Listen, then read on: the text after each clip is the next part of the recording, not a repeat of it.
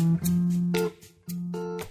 Günaydınlar, herkese merhaba. Bugün 8 Haziran Perşembe Radyo Gedi'nin sabah programına hoş geldiniz. Günün öne çıkan haber başlıklarına bakacağız hep birlikte. Dün kurda sert bir yükseliş yaşandı.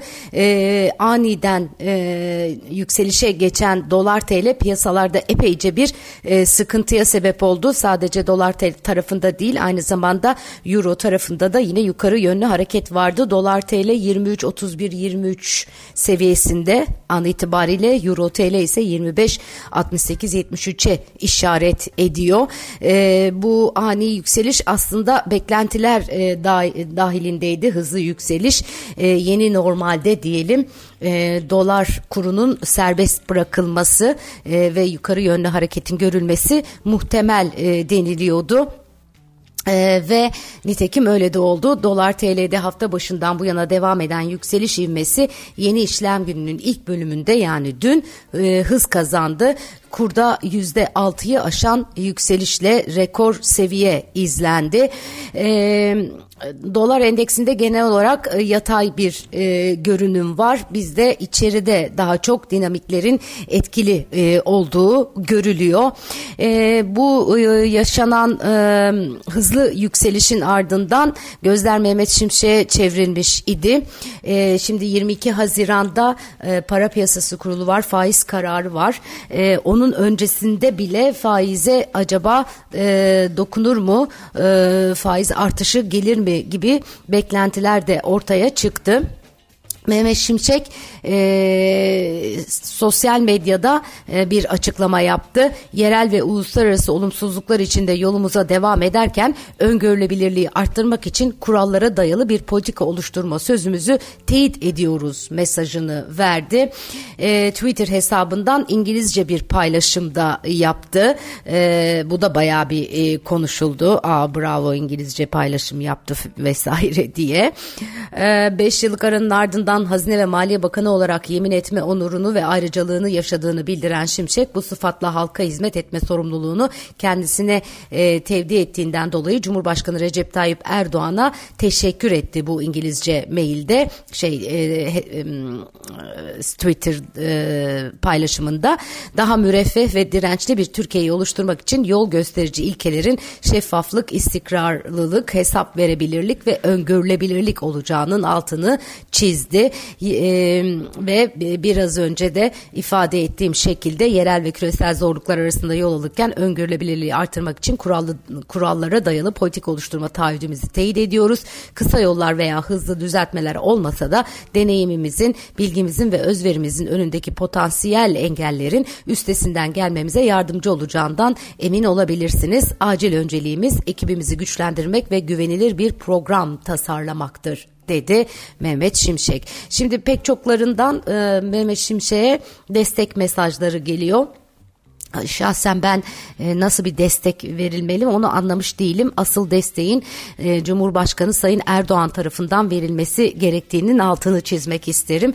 E, mevcut vaatlerini gerçekleştirebilmesi için Sayın Şimşek'in Sayın Erdoğan'ın da onu desteklemesi gerekiyor. Piyasalar açıkçası en çok bu desteğe muhtaçlar ve belirsizliğin kaynağının da bu desteğin ne kadar olacağına olacağını bilmem vermemekten e, kaynaklandığı da konuşuluyor.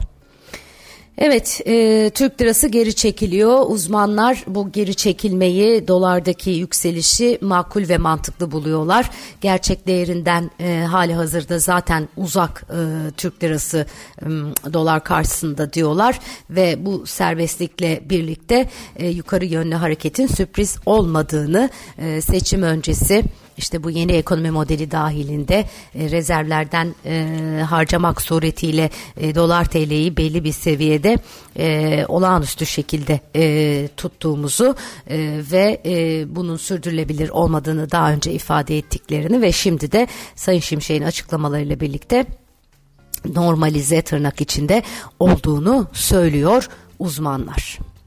Bakalım nereye doğru evrilecek dolar TL'deki bu hareketlilik. Evet, e, gündemin öne çıkan başlıklarında elbette ki siyasette var. Dün meclis yeni başkanını seçti. seçti. Türkiye Büyük Millet Meclisi Genel Kurulu'ndaki oylamada ilk iki turda adaylar yeterli oyu alamadı. Üçüncü turda salt çoğunluk olan 321 oy alan AK Parti İstanbul Milletvekili Numan Kurtulmuş Büyük Mecl Millet Meclisi'nin başkanı oldu. Bu arada İyi Parti Meclis Grubu, Grup Başkanı ve Grup Başkan Vekillerini belirlemek için basına kapalı bir toplantı gerçekleştirmişler. Toplantı sonrası gazetecilere açıklama yapan İyi Parti Grup Başkan Vekili ve Samsun Milletvekili Erhan Usta, Grup Başkanlığına Ankara Milletvekili Koray, Ay, Koray Aydın'ın Grup Başkan Vekilliklerine ise yeniden İyi Parti İzmir Milletvekili Müsavat Dervişoğlu ve kendisinin oy birliğiyle seçildiğini ifade etmiş. Evet, e, diğer yandan Ekrem İmamoğlu'nun tarafında e, açıklamalar var. E, Ekrem İmamoğlu e, İstanbul Büyükşehir Belediyesi Başkanı Ekrem İmamoğlu CHP'deki değişim sürecine ilişkin çarpıcı bir açıklama yapmış. Toplumun değişim istediğini söyleyen İmamoğlu ideallerim uğruna görev almaktan çekinmem e, demiş. Partisindeki MYK değişikliği için şunun altını çizelim. Ne yazık ki 9 yılda üst üste 3 kez seçim kaybettik. Cumhurbaşkanlığı seçimini kaybettik ve bu seçimlerden sonra da aynı şeyleri yapıp yol yürüme gafletine kapılamayız. Değişimin sadece bir kurul heyet değişimiyle olmayacağını hepimiz hepimiz biliriz. Değişimi sadece ben değil toplum istiyor. Kulağını buna tıkayarak yol yürümek olmaz. Değişim anlayışını en güçlü şekilde talep eder durumdayım. İşte böyle konuşmuş Ekrem İmamoğlu. CHP'nin il ve ilçe kongreleri 15 Ekim'de tamamlanacak. Ardından parti meclisinin belirleyeceği tarihte olağan kurultay yapılacak.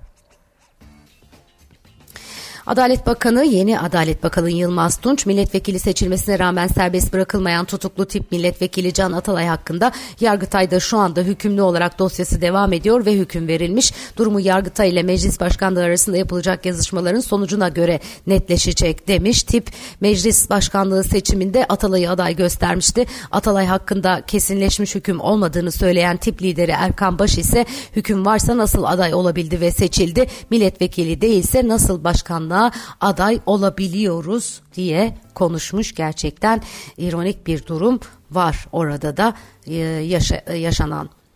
Cumhurbaşkanı Recep Tayyip Erdoğan'ın Cumhurbaşkanlığı Külliyesi'ndeki kabine toplantısının ardından asgari ücret tespit komisyonumuzda çalışmalara başlıyoruz açıklaması çalışma hayatı gündemini hareketlendirdi. Gözler doğrudan 7 milyondan fazla çalışanı dolaylı olarak ise tüm vatandaşları ilgilendiren yeni asgari ücret rakamına çevrildi. Bu kapsamda işçi, işveren ve hükümet temsilcilerinden oluşan asgari ücret tespit komisyonu bürüt 10.008 lira, net 8.506 lira olarak uygulanan mevcut rakama yapılacak artışı belirlemek için ilerleyen günlerde toplanacak. Komisyonun TÜİK tarafından 3 Temmuz'da açıklanacak Haziran ayı enflasyonun ardından oluşacak. 2023'ün ilk 6 aylık enflasyon rakamında dikkate alarak yapılacak ara zam miktarını belirlemesi bekleniyor. AK, AK Parti Grup Başkan Vekili Muhammed Emin Akbaşoğlu asgari ücretle ilgili ve en düşük memur maaşının 22 bin lira olması ile ilgili kanun teklifimizi hemen komisyonlar oluşur, oluşur oluşmaz ortaya koyacak olacağız. Haziran ayının da enflasyonun ortaya çıkması lazım. 6 aylık dönemdeki enflasyon oranını ve refah farkını değerlendireceğiz diye konuşmuş. Dün dolardaki hareket hali hazırda asgari ücreti dolar bazında da zaten çok ciddi biçimde geriye çekti. Bunu da hatırlatalım. Bakan Koca'nın açıklamaları var. Nadir nadir hastalıkların tedavisi için e, hastane kurduklarını söylemiş. SMA hastalığı konusunda son derece hassas olduklarını ifade eden Koca, bu hastalığa tahammülümüz yok. SMA bilim kurulumuz var. Faydası ispat edilmiş olan ilacın temini sağlanıyor. Gen terapisi konusuna gelince SMA bilim kurulu kimlere uygulanabileceğini belirledi. Hangi hasta grubunda kullanabileceğini tespit etti. Etkili olduğu bir hasta grubu var. Uygulanmak üzere planımızı yaptık. Ayrıca bu konuda önemli bir gelişme var. Nadir hastalıkların tedavisi için İstanbul'da yeni bir hastane kuruyoruz. Bu hastane hücre ve gen terapilerinin uygulanmasının uygulanmasına özel olacak. Hastane ile aynı kampüste bir de hücre ve gen tedavisinde kullanılan ilaçları üretecek tesis bulunacak. Böylelikle ilacı kendimiz üretip tedaviyi de kendimiz uygulayacağız. Bu SMA konusu kamuoyunda çok gündeme gelmiş ve bu gündem sayesinde e, pek çok e, kanaat önderleri bu konuda açıklamalar açıklamalar yaptılar. E, devletin gündemine de girmiş idi. Şimdi detaylı bir çalışma yürüttüklerini Sağlık Bakanı Fahrettin Koca söylüyor. Evet, dünyada neler oluyor? İran ve Suudi Arabistan resmen barışmış. Mart ve Nisan aylarında ilişkilerin normalleşmesine ilişkin atılan adımların ardından İran'ın Suudi Arabistan'ın başkenti Riyad'daki büyükelçiliği 7 yıl sonra resmen açıldı diyorlar. Açılışa İran ve Suudi Arabistan yetkilileri katılmışlar. Ee, İran ve Suudi Arabistan e, yetkilileri içerisinde İran Dışişleri Bakanı Yardımcısı Ali Rıza Bikdeli törende bir konuşma yapmış. İran ve Suudi Arabistan ilişkilerinde önemli bir güne tanıklık ettik ettiklerini söylemiş. Nisan başında Suudi Arabistan ve İran Dışişleri Bakanlığı Çin'in arabuluculuğunda 2016'dan bu yana ilk kez bir araya gelmişlerdi. Bu arada Cumhurbaşkanı Erdoğan Putin ve Zelenski ile telefon görüşmeleri yapmış.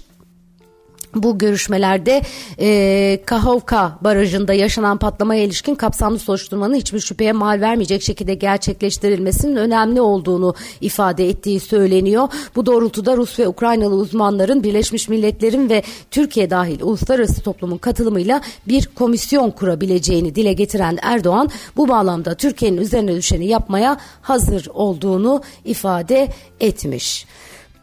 Amerika'da tüketici kredileri Nisan'da beklentileri aştı diyorlar. Hazine Bakanı Janet Yellen ise enflasyonla ilgili yine yeniden bir açıklama yapmış. İstihdam piyasası gücünü korurken enflasyonun da düşebileceğini kaydediyor Yellen ve enflasyon düşürmenin önemine değinerek bu konu bizim önceliğimiz. Hükümet bu anlamda Fed'in çabalarını destekliyor diye konuşmuş. Kanada Merkez Bankası faizi arttırmış. Sürpriz bir faiz artışı olarak yorumlanıyor bu. Ee, İngiltere'de BBC'nin 39 yerel radyosu greve gitmiş. Ulusal Gazeteciler Sendikası üyesi BBC yerel radyo çalışanı yaklaşık bin kişi kurumun tasarruf amacıyla yayınların sürelerini azaltma ve programları birleştirme kararını protesto için dün gece yarısından itibaren 48 saatliğine greve başladı diyorlar. Evet, bugünün notları özetle böyle diyebilirim. E, manşetlerde e, ki başlıkları size ilettim. Bir not daha paylaşayım onunla tamamlayayım. Dünyanın en aktif yanardağlarından olan Hawaii'deki Kilauea yanardağı 3 e, aylık aranın ardından yeniden faaliyete geçti diyor. İnanılmaz fotoğraflar var. Amerikan Jeolojik Araştırmalar Merkezi Hawaii Yanardağ Gözlemevi'nin e, zirve e, kamera görüntülerinde patlamanın başladığını gösteren parıltı tespit ettiğini bildirmiş ve e, lav akışının belirlendiği de ifade ediliyor ve e, yanardağdaki faaliyetin yalnızca burada olduğu patlamanın ilerleyişine göre tek, tehlikenin tekrar değerlendirileceği de ifade edilmiş. Gerçekten e, inanılmaz e, görüntüler e, var burada da. İnşallah dramatik sonuçları olmaz. Evet sevgili dostlarım bugünün notlarını sizlere aktardım. Güzel bir gün diliyorum herkese. Yarın sabah yine aynı saatte görüşmek üzere. Hoşçakalın. Radyo Gedik'ten ayrılmayın.